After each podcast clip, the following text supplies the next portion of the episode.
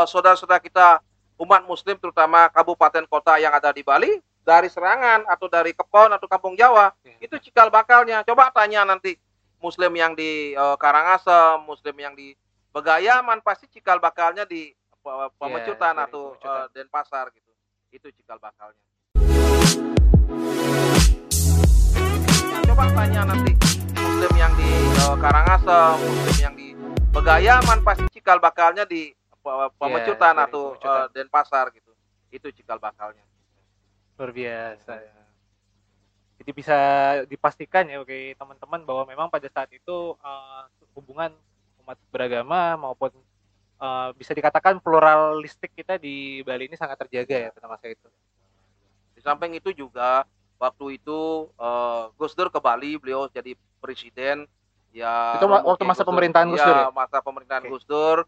Eh, waktu-waktu itu Gus Dur ke apa namanya Tapak Siring. Kebetulan saya juga diajak sama raja saya yaitu eh, Ide Cokodo Pemecutan yang ke-11 SH.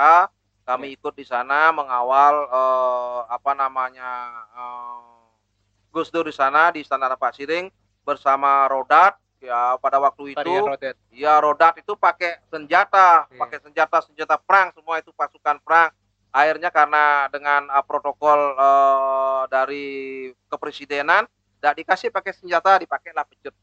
Hmm. Ya setelah itu uh, Gus Dur ke Denpasar, mampir ke mampir ke Puri Pemecutan. Setelah itu kita ajak ke uh, makam Siti Khotijah. Nah, Ya. di sanalah beliau mendengar pada waktu itu seperti sekarang ini eh, Jumat. Nah, Jumat eh, banyak orang Bali ya kebetulan juga Kajang Klion seperti sekarang ini. Iya, iya. Jumat ada Kajang Klion. Umat Hindu dan umat Muslim sama-sama bersembahyang di sana. Bersembahyang di sana mungkin karena mohon maaf eh, eh, Gus Dur tidak melihat tapi dia bisa mendengar Hmm. bisa mendengar dan pewisik-wisik dari eh, ajudannya juga dia dengar bahwa ada orang Hindu di sini bersembahyang eh, dan juga orang Muslim eh, baca baca eh, salawatan. Nah itulah terjadi saya dipanggil eh, De Agung bikinlah wadah di sini. Ayo amin saudara-saudara kita di sini ya bentuk wadah. Nah, itu saya bentuk wadah apa namanya Gus? Saya bilang gitu kita bentuk ya apa aja ada agama di sini semua agama ada di sini orang pemecutan toleransi antar umat beragama ada Kristennya ada Budanya ada apa namanya eh, eh, gini lagi. Kuncunya kuncunya. Kuncu-kuncu ada di Bali banyak. Yang di apa namanya di Kuto ada ada kuncu kuncu pemecutan juga itu. Dan ada di kuncu di Tanjung Benua juga ada. Di sini dekat kita juga ada kuncu di sebelah ini ada juga kuncu. Oke. yang pertama eh, Cina datang ke Bali. Ah, terjadilah itu. Masjid-masjid juga wakaf-wakaf rata-rata semua. Sekarang tidak tahu status wakafnya gimana kita tidak tahu karena itu itu eh, Puri yang punya hak kita sebagai abdi. Puri lah sebagai eh, persaudaraan kita keluarga besar kita. Ayo kita jaga Puri, jaga gini karena Puri sebagai barometer. Kalau di Puri itu namanya Puri, Pura, Paro, dan Purana. Puri itu identik dengan rumah rumah. bukan puri itu gini apa istilahnya puri rumahnya orang agung puri enggak puri Hmm. itu rumah artinya baik rumah orang muslim baik rumah Oke. orang Ini Buddha mungkin baik rumah orang diketahui. Kristen ya puri namanya. Rumah namanya rumah maka ada rakyat lah ah, ibaratnya. rumah rakyat. Eh, pura ini identik- dengan tempat ibadah. Pura itu tempat ibadah ya. Ah, jadinya kita bisa makanya di mana ada musola ada masjid.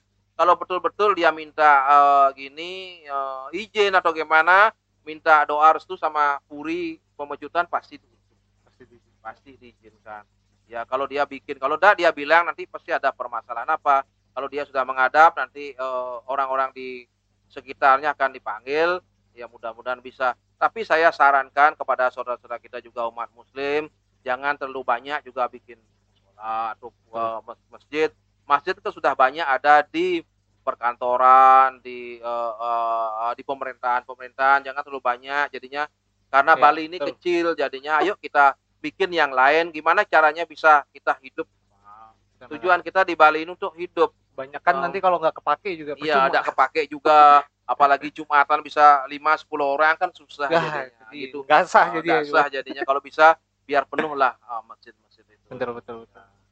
Berarti bisa dibilang kalau dulu Aji terinspirasi untuk membentuk uh, eh, PHMB. Hmm. Jadi buat yang belum tahu uh, Jiturah ini adalah pendiri ya, inisiator ya. dari uh, komunitas ya namanya PHMB atau Persaudaraan Hindu, Hindu Muslim, Muslim Bali. Bali. Bukan Hindu sama Muslim aja, di dalamnya ada Kristen, hmm. ada Budanya. Seperti lambangnya itulah ya. semua ada gitu. Benar, benar, Yang penting beliau ada contoh seperti di apa namanya tuko-tuko itu di Galung itu Kristen yang banyak juga. Yeah. Sebenarnya dia orang Bali dulu tapi sekarang karena mungkin ya faktor ekonomi atau kelebihan ekonomi dia masuk sekarang jadi orang Kristen. Iya, konversi ya. Kepercayaan namanya dia itu yeah. keyakinannya dia itu kalau yakinnya di sana ya silahkan. Itu, itu dibahas betul sama buku, di bukunya Pak Nyoman Wijaya. Iya tentang bagaimana proses konversi yang ya, ada di Bali juga ya. karena ada hubungan-hubungan seperti itu luar biasa sekali kalau boleh tahu nih sekarang nih berarti Jiturah ini sibuknya apa aja nih ya kalau kesibukan sih banyak aja sekarang kita sebagai orang puri ya kita harus uh, mengabdi kepada masyarakat nah, terutama harus dia. kita ya minimal kita harus belajar uh, usaha satu yang kedua kita harus belajar politik Puri-puri itu jangan takut berpolitik. Waduh, kita harus pesannya. berpolitik karena apa? Di Puri itulah belajar tata krama, budi pekerti. Jadinya kita belajar di sana. Kita harus tuangkan gimana kita masyarakat. Sebagai saya sebagai orang Puri harus kita belajar tata krama. Contohnya seperti ya apa namanya tingkah laku kita, apa namanya keyakinan kita dengan pendidikan kita harus kita jaga itu. Makanya saya bilang peran Puri. Yang satu, Puri jangan dilupakan. Kita sudah republik tapi Puri jangan dilupakan. Kadang-kadang peran Puri dilupakan. Hmm. Ya, peran Puri itu harus tetap karena Puri itu punya masa, punya pasukan, Mas. Ya, ya minimal ya dihormati dan disegani. Ya mudah-mudahan Puri-Puri ya bisa baik, baik Banjar, baik ini biar bisa dekat lah. Ya, itu biasa pesan juga ya berarti ya untuk teman-teman kan banyak sekarang ini orang antipati ya sama hmm. politik ya termasuk di kaum muda teman-teman milenial itu banyak sekali yang merasa politik itu ah rusak lah gitu jadi malah membuat mereka anti dan ujung-ujungnya menjadi alat politik ibaratnya malah dimanfaatkan begini sama. politik itu sebenarnya perjuangan suci dan perjuangan murni nah apa sebab saya bilang perjuangan suci kalau kita benar sekaya apa pun kita berpolitik kalau tidak nasib kita tidak bisa menang ya kalau kita suci, diamnya kita di rumah bisa menang gitu. Iya itu. Dan juga harus berpolitik. Karena apa? Kalau tidak kita berpolitik, siapa yang akan membuat negara ini? Karena dari faktor eksekutif harus dari seorang politik. Kalau tidak berpolitik nggak bisa.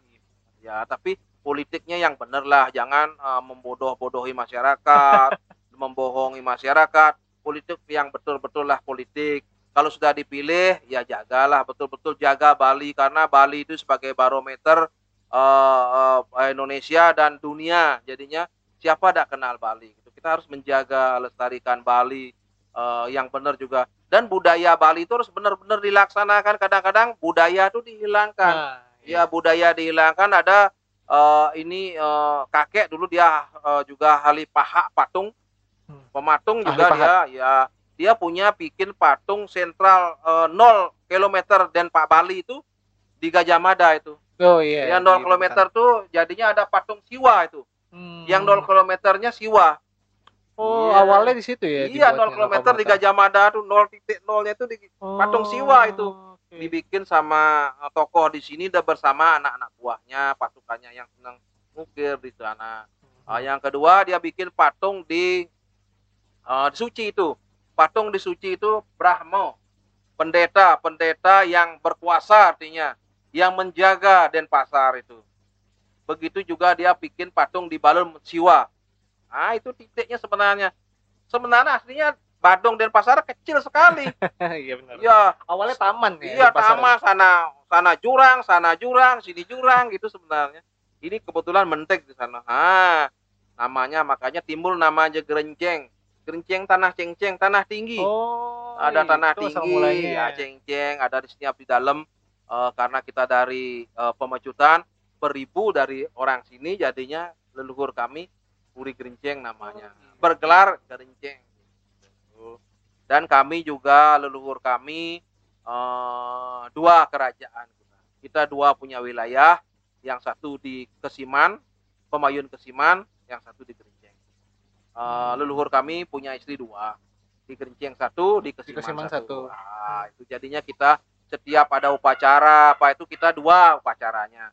Persana pertama di sini Purnamo Kapat, besoknya di sana di eh, apa namanya di Kesiman. Dan juga kami dipesankan sama leluhur kalau kami jangan dilupakan purinya kamu satu. Yang dua jangan dilupakan puri Pagung Pemecutan. Puri Ah, Pemecutan. itu jangan itu leluhur kamu, ke kepalanya kamu itu. Ah, yang ketiga, jangan dilupakan pura dalam kepon. Pura dalam kepala. iya, itu pura dalam Pak, ya. kepon itu kita punya itu. Ah, itu Hmm. dan jangan lupa Tambangan. Nah, itu pura Tambangan Bandung, pura besar yang mendiri cikal bakal Puri Agung Pemecutan Denpasar Bandung. Itu cikal bakalnya. Iya, iya. Ya di pura apa namanya di pura Namang Bandung semua ada ada pasoknya ada pandenya ada semua ada di sana sebagai ibu-ibunya di sana Iya. ya ibu-ibunya PKK. di sana ya makanya dia punya sampai punya istri 500 itulah ibu-ibunya biasa. ibu-ibunya itu semua gitu Iya. ditaruh di sana sebagai jadinya dia apa namanya kalau barang sekarang itu oh, sebagai mengingat sejarahnya sejarah perjuangannya untuk oh, yang berkuasa dulu Ini budaya patrinial pada masa lalu masih mengizinkan ya untuk bisa beristri banyak ya pada saat itu. harus begitu kalau kita berkuasa harus begitu. Sekarang kan punya istri banyak susah kita karena hidup kita tidak bagus. Kalau hidup kita bagus berapa aja boleh punya istri Iya, gitu tergantung sekarang hidup tidak bisa gimana punya Iya. istri banyak Gimana kan memenuhi bisa. kebutuhan bisa ekonomi. tidak kita makan kita? Bisa tidak kita melihara dia? Jangan bisa cari istri siapa aja bisa cari istri banyak tapi untuk menghidupkan tidak bisa kita karena dulu zaman dulu punya istri itu berkuasa. Betul, betul. kalau bawa laki-lakinya itu bawa laki-lakinya kelihatan setiap punya istri baru atau eh, orang yang diambil dia bukan ambil orang bukan orang sembarangan. Benar. pasti orang yang hebat diambil. Ya minimal kita dapat mertuanya dapat pasukannya. Iya oh, benar. kalau tidak Ada bisa kita begitu juga kita lawan perang. Perang kita ambil istrinya dipakai istri lagi jadi Benar. kita punya wilayah gitu dulu zamannya sekarang sudah zaman republik jangan begitu kita harus bekerja sekolah yang setinggi tingginya biar bisa kita menguasai wilayah Nah, tapi jangan pendidikan. untuk membohongi orang sekolah tinggi kita harus namanya apalagi bisa mempuri kita harus sekolah setinggi tingginya luar biasa. Itu yang jadi kru, kru- ngomongin istri nih kru saya pada ketawa ini. Lucu ini. Nah, jadi eh, bisa kita lihat bahwa pada masa itu ya, hubungan antara eh, seorang raja saat menikah itu memiliki kepentingan-kepentingan diplomasi ya, antara setiap Diplomasi. setiap hubungan membangun hubungan antar suatu kerajaan dengan melakukan melangsungkan pernikahan dengan Ya. putrinya, Ya, dengan ratunya itu. anaknya atau siapa semua harus itu Hmm. demokrasi. Demokrasi, Ya, demokrasi. pada masa itu. apalagi orang biasa eh, dikawinkan anaknya dia dikasih tanah dijadikan dia perbekal juga Hmm. dikasihin itu istilahnya diberi kuasa dia gitu dia namanya terangkat juga seperti sekarang juga gitu Iya, iya, juga persis persis. ya seperti Sekarang. sekarang cuma lain bahasanya saja lain bahasa Oke siap Jitora. Ini saya mau bahas tentang terkait dengan aktivitas Jitora ini di dunia bisnis.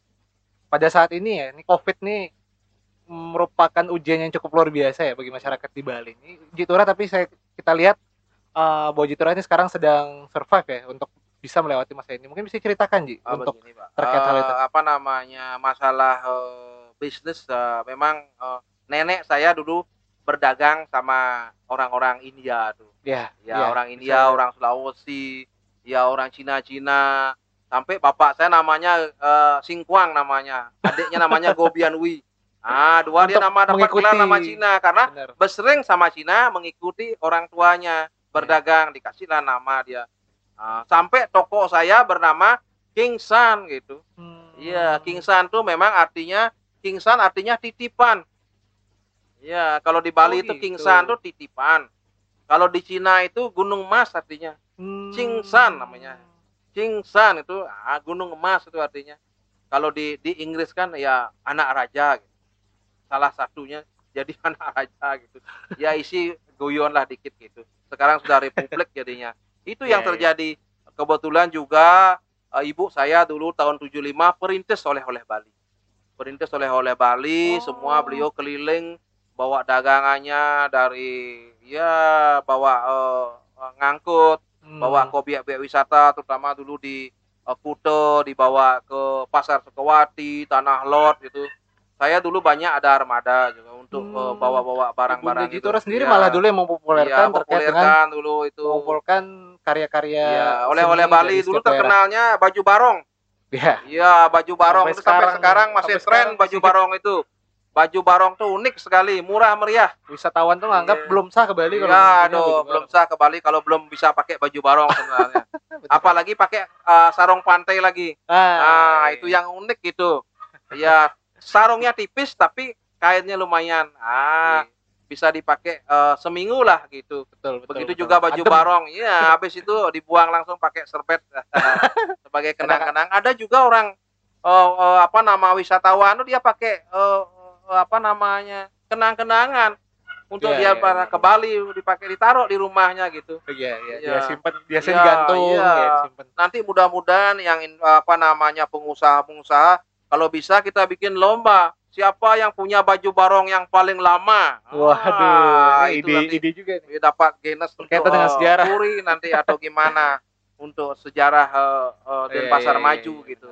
Itu yang terjadi Nah, kalau- sudah gitu kita bikin oleh-oleh karena zaman sekarang ini udah manajemen eh, modern ya kita kalah lah. Kita kalah di samping itu juga kami menitik eh, beratkan kepada memesan kepada pasar-pasar modern.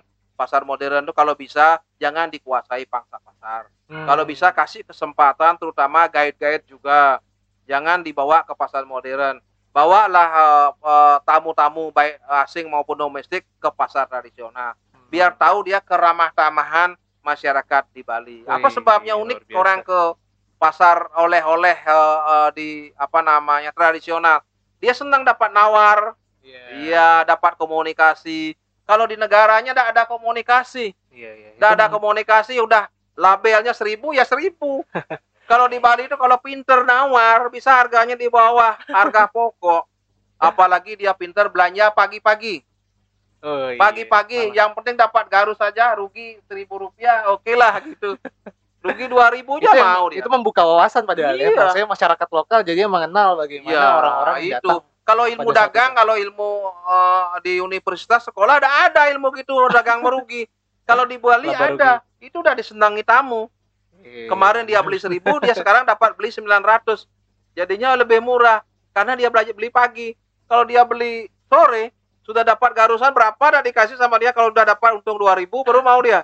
Itu orang bisnis biasanya. Iya, iya, Nanti di iya. sana dia nyari. Ya, Wih, itu.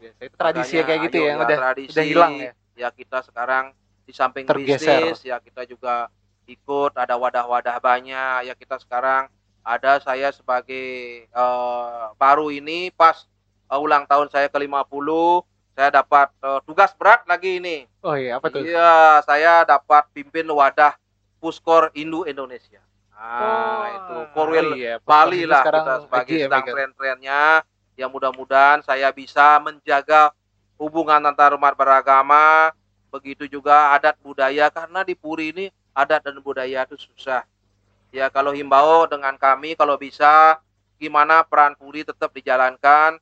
Karena biar tidak sampai setiap ada acara di Puri kita jual tanah Ah, itu dah yang susah itu. Setiap ada kegiatan ngaben, setiap ada upacara baik manusianya atau eh, eh, gini fitriyatnya, kalau bisa dari pemerintah lah membantu. Kadang-kadang di Puri Iya, itu iya. fanatik, tidak mau dia minta. Tidak mau benar. dia mengajukan proposal. Ah, lebih baik kita jual aja tanah kita. Lama-lama kan dia. habis tergerus, kita. tergerus Ya tergerus kita. Ya siapa pun nanti yang memimpin Bali atau Denpasar khususnya kalau bisa bantulah lihatnya saudara-saudara kita ya terutama Ngaben, ya Matata. Kalau bisa perannya juga itu jangan dipakai eh, desa, pakai peran puri, pakai peran grill. Hmm. Ya seperti saya bilang itu peran puri lah, peran yang yang bisa berpotensi untuk memanit usaha atau memanit eh, kerja-kerja yang di Bali itu. Iya. Ya itu juga dan juga saya titip juga kalau bisa pada waktu menem pedagingan tokoh lah dipakai. Jangan pejabat yang menem pejabat boleh menyerahkan, pejabat yang menyerahkan tapi tetap abdi dalam lah yang dalam puri. menjaga. Itu pesan-pesan saya. Terima kasih. Ya, Jadi gitu Rah ini pernah apa ya ter- dikat- eh, dikatakan viral tahun 2013 dengan membuat statement bahwa Puri harus eh, bisa bisa ini ya bisa memiliki status yang lebih tinggi lagi daripada yang selama ini di diberlakukan di Bali ya. Ya memang begitu. Kalau puri itu bukan gimana, adat terus ditingkatkan. Apalagi sekarang ini ada eh de- klien adat. Nah, oke. Ya ada klien dinas, ada klien adat, ada desa pekeraman, ada gini desa pekeraman, ada perbekal, perbekalan. ada gini kelurahan, ada di, di atasnya lagi. Kalau bisa ya maaf ini kalau cita-cita saya biar bisa ada gubernur adat lagi. Biar bisa yang mengelola adat dan Iya, iya, budaya iya. Bali Benar-benar. adat dan budaya Bali. Kalau tidak bisa bikin eh, gubernur adat ya minimal apa namanya gubernurnya harus punya wakil dua, mewakili Hmm. adat satu dan mewakili dinas satu. urusan pemerintahan Ya satu urusan ya. pemerintah. Di samping itu biar bisa dipilih oleh masyarakat. Hmm. Biar luber lah. Contoh sekarang pemilihan klien adat dipilih oleh warga. Pemilihan bendesa dipilih oleh warga. Sekarang majelis desa adat. Siapa yang milih? Kok yang di atas sana biar warga lah memilih biar tahu sepak terjangnya, Iya, iya, visi misinya iya. Pakai apa, majelis. jadinya biar jelas lah. Begitu apalagi sekarang dengan ribut-ribut begini kalau saya himbau jangan sampai ribut lah kita bersaudara. Ayo kita duduk bersama. Berdiri sama tinggi, duduk sama rendah. Luar Yang biasa. penting semua kita akan bisa bicarakan dengan duduk dengan eh, Kepala apa dingin. namanya? Kepala dingin. luar biasa. Itu dia yang sekarang saat ini menjadi hal yang terus diperdebatkan ya di masyarakat Ya. Indonesia hari ini bahwa eh, perbedaan kecil itu bisa menjadi suatu hal yang dibesar-besarkan ya sehingga menjadi pemicu eh, untuk urusan yang lebih besar lagi yang sangat sayang sekali untuk Indonesia menjadi seperti itu di masa ini. Termasuk dengan peran Puri ya pada saat ini yang memang bisa dikatakan banyak banyak keluh kesah ya dari kalangan Puri yang memang merasa bahwa eh, status dari eh, Puri ini mulai tergerus dan segala macamnya. Tapi memang pada sejarahnya dulu, apakah memang Puri itu menerima atau menolak ketika eh, status administratif kenegaraan itu berubah dari kepurian ke arah yang seperti tadi status kenegaraan itu. Ya. Dulu tuh bagaimana mungkin ceritanya? Oh begini menurut kami saya dengar ya. Ya. Karena sekarang kita sudah republik. Ya. Ya peran Puri ya berkurang lah. Hmm. Ya minimal seperti saya tadi titip itu Puri jangan dilupakan. Itu karena apa? Adat dan budaya ada di Puri. Ya. Bukan di Bali aja ada adat. Ada adat Sumatera, Ya. ada adat semua, ada adat Jawa, ada adat Sulawesi. Adat itu harus dipertahankan. Karena itu adat itu bagian daripada budaya. Karena Bali itu terkenal dengan agama Hindunya, kental dengan adat dan budaya. Betul. Ya itu yang menyebabkan itu jadinya sama. Apalagi di samping itu sekarang ada istilahnya desa mawacara. Desa yang berbicara. Hmm, Desa yang berbicara.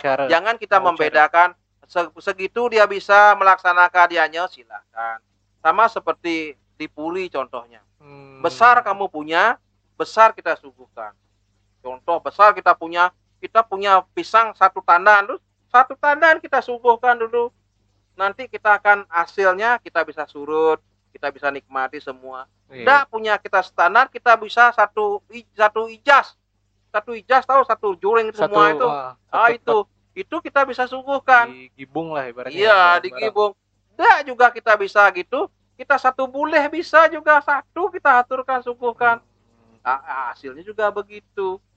Kalau sekarang Kalau tidak bisa juga kita satu satu apa namanya satu juring itu dibagi lagi dipotong-potong dikecil-kecilnya juga bisa. Iya, Yang penting niatnya kita berjalan, kita hubungan kita tetap berhubungan sama Tuhan karena apa?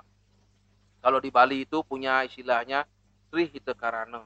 Ya hubungan manusia dengan Tuhan, manusia dengan hubungan Tuhan, manusia dengan eh, manusia, hubungan dengan Tuhan. Indonesia dengan lingkungan. Kalau di Muslim ada namanya hablum binanas, Ya, hablum betul. minallah. Ah Itu gitu. Kita semua Konsep yang sama. serupa ya konsepnya sama, tapi cara berpikirnya beda. Agama itu semua sama. Semua agama itu nomor satu, agama itu rambu. Iya. Kalau kamu yang melanggar, kamu yang kena. Kalau tidak dilanggar, ya jalan-jalan. Kalau kita beragama kita bisa kaya? Tidak juga. Tergantung kita karma kita, budi pekerti kita. Kalau sekarang kita tidak kaya, mungkin anak cucu kita bisa kaya. Sekarang kita eh, miskin, nanti anak cucu kita Iya. bisa kaya juga gitu. kan memang agama itu dari bahasa Sanskrit ya. Kalau Iya. emang A itu artinya eh, tidak agama itu kacau. Jadi rambu-rambu yang membuat agar ke lingkungan kita Iya. tidak tidak mengalami tidak- kekacauan. Kalau saya membedakan tidak beda dengan eh, traffic light. Ya, Traffic light itu Traffic light. itu sebenarnya simbol agama sebenarnya, tapi orang tidak mengerti apa sebab saya bilang traffic light. Kalau merah itu memang harus diam. tapi dalam keadaan itu masa kita diam kosong, ya kita jalanlah pelan-pelan. Sama sama kuning juga. Kuning kita tetap pelan-pelan, berhati-hati, waspada. Begitu juga hijau. Baru hijau kita kencang jangan, tetap kita waspada, lihat juga siapa Nah. tahu ada apa lewat, ada manusia lewat, Biar ada nggak- binatang biar lewat nggak nyusahin orang lain. gitu ya. misahin orang lain gitu kan. Makanya konsep tetap konsep dari ya, Jituran ya terkait dengan agama itu ibarat sebuah rambu lalu lintas atau Iya. traffic light. bisa dilanggar, bisa apalagi lampu merah kalau tidak ada polisi aman-aman saja. Waduh, kalau ada polisi ya pasti kita ditangkap gitu. Iya. luar biasa. Konsepsi dari Jitura nih yang mengenalkan tentang konsepsi ini. iya. Terkait dengan kondisi sekarang nih, berarti kan Jitura ini udah aktif banget ya di organisasi dan juga di dunia perpolitikan. Kalau boleh saya tahu nih yang membuat Jitura itu terins atau yang membuat niat Jitura untuk terjun ke politik dulu apa? gitu?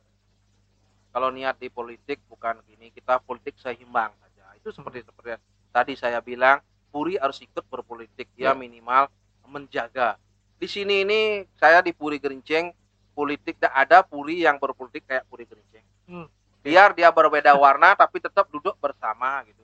duduk Iya, bersama tetap dia ka- kita di Puri ini punya prinsip kalau tidak cocok diam kalau tidak cocok diam jangan membicarakan orang lain. Nanti kalau sudah kita baik nanti biar tidak tengal namanya kalau orang Bali. Nah, itu. Resek lah ya. resek namanya. Kalau tidak cocok diam kalau kamu menang jangan bicara menang kamu. Jagalah konstituennya kamu luar biasa Iya. itu ya. Jadi eh, sebenarnya konsep-konsep keadilan sosial yang ada di masyarakat Indonesia pada masa lalu ketika kerajaan masih berkuasa pada masa lalu eh, justru keberagaman sosial di Indonesia ini malah terjaga ya dulu pada masa itu. Sehingga kita lihat bukan hanya di Bali bahkan di daerah-daerah lain di Indonesia ketika eh, kekuasaan itu masih dipegang oleh masyarakat yang organistik atau yang masih dipegang sama masyarakat yang pluralistiknya itu terjaga luas malah eh, di situ keadilan sosial malah merata ya pada saat itu. Bagaimana yang juga kita harapkan agar Indonesia ini bisa kembali mengarah ke hal seperti itu. Kita mengelola eh, hasil kita sendiri hasil bumi kita sendiri dan juga nanti pengelolaannya ini adalah penggunaan secara bersama bukan milik perseorangan atau kepemilikan pribadi ya. Eh, saya tekankan juga dengan saudara kita khususnya di Bali. Ya kita jangan mengandalkan pariwisata aja ya tetap kita dengan pertanian kita karena di Bali itu sudah terkenal dengan subaknya. Ayo kita eh, jalankan yang sharing. itu. Karena apa? Bali sudah kadung terlena. Ya kalau bikin hotel apalagi puri-puri punya tanah bikin hotel ya. Yang tidak punya ya jadi pegawai. Kalau bisa ayo kita karena kita udah bersekolah kita udah eh, sarjana ayo kita buka lapangan pekerjaan seperti home industri atau bikin pertanian yang bagus ya Betul. kita harus belajar dari keluar negeri kalau ke daerah-daerah lain lain sebagai studi banding. Karena di lain-lain eh, daerah itu kan ada ada apa namanya eh, tempat-tempat yang bagus kita sebagai studi banding. Iya, ayo kita belajar sama-sama. Yang penting itu jaga Bali jaga Puri. Luar biasa. Masyarakat yang di pesisir ataupun di pegunungan silakan bertani. Masyarakat yang di kota bercocok tanam mulai digaungkan kembali sehingga kita menyadari bahwa kita harusnya menjadi orang yang menghidupi alam ini ya Ki.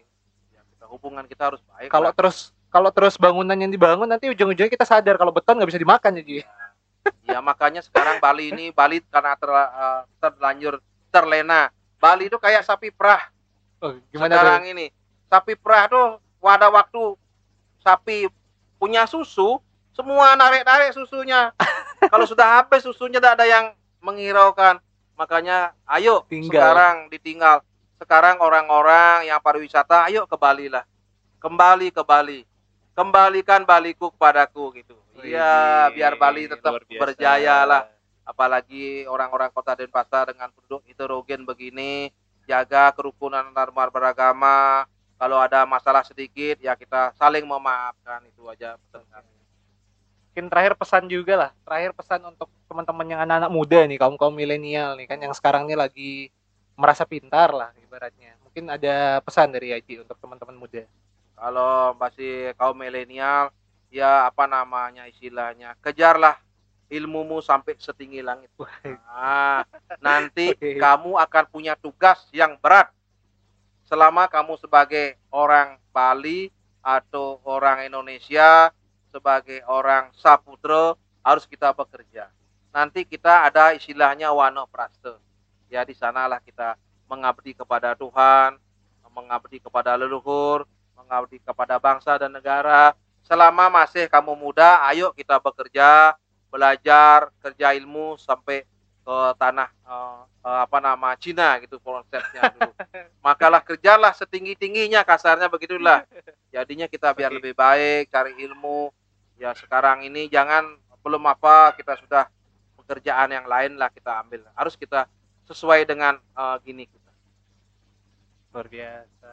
Itulah di sini sudah memberikan eh, pesan-pesan mulianya untuk masyarakat, penonton-penonton kami di Spotify maupun YouTube. Mungkin itu dari kami terkait dengan perbincangan yang luar biasa ini. Sekali lagi saya berterima kasih banyak uh, Oke. Jitura sudah mau menerima kami dari teman-teman di era Madani. Untuk itu saya ingatkan pula kepada teman-teman penonton dan juga pendengar untuk di masa Covid ini ya menjaga kesehatan terus, menjaga Ya, diri, diri, jangan lupa ya, masker, hand sanitizer semua ya. digunakan. Jaga Entah- jarak, ingat Ya, itu dia jaga jaga jarak juga. jarak. Entah yang mau percaya atau tidak terkait Covid, sama sama-sama menjaga diri adalah suatu kebaikan murni yang di mana agar kita tidak saling menyulitkan orang lain, entah apa pun itu. Ya, begitu juga pesan saya terakhir, COVID ini akan lama. Karena COVID saya lihat COVID lokal. COVID lokal itu COVID antara daerah kita, kabupaten kota. Sekarang COVID di Indonesia di Bali ini sangat keras sekali. Ya. Udah gitu. COVID in the lokal. Nanti eh, wisatawan domestik akan membawa COVID semuanya. akan bawa COVID semuanya. Tetap hati-hati, waspada, jangan lengah. Begitu juga nanti COVID internasional. COVID inter- internasional ini yang paling bahaya nanti. Orang-orang asing semua akan bawa penyakit ke Bali. Ya makanya tetap jaga kesehatan, jaga diri, ikuti protokol kesehatan. Pemerintah itu adalah guru kita, yaitu guru Swadaya. Terima kasih. Eh, sebelum kami akhiri, ya kami ucapkan terima kasih eh, buat eh, gini eh, eh, apa namanya Bali Ramadhani, Bali Bebas Bicara. eh, Bali bebas bicara. Kalau kita umat Hindu atau orang Bali harus kita berani berbicara. Oke, sebelum akhir kata kami ucapkan Om Santi Santi Santi. Wassalamualaikum warahmatullahi wabarakatuh. Selamat berjumpa kembali lagi di episode selanjutnya di Bali Bebas Bicara. Siapa aja bisa bicara. Yes. Make more time. Yang ada ini Siap.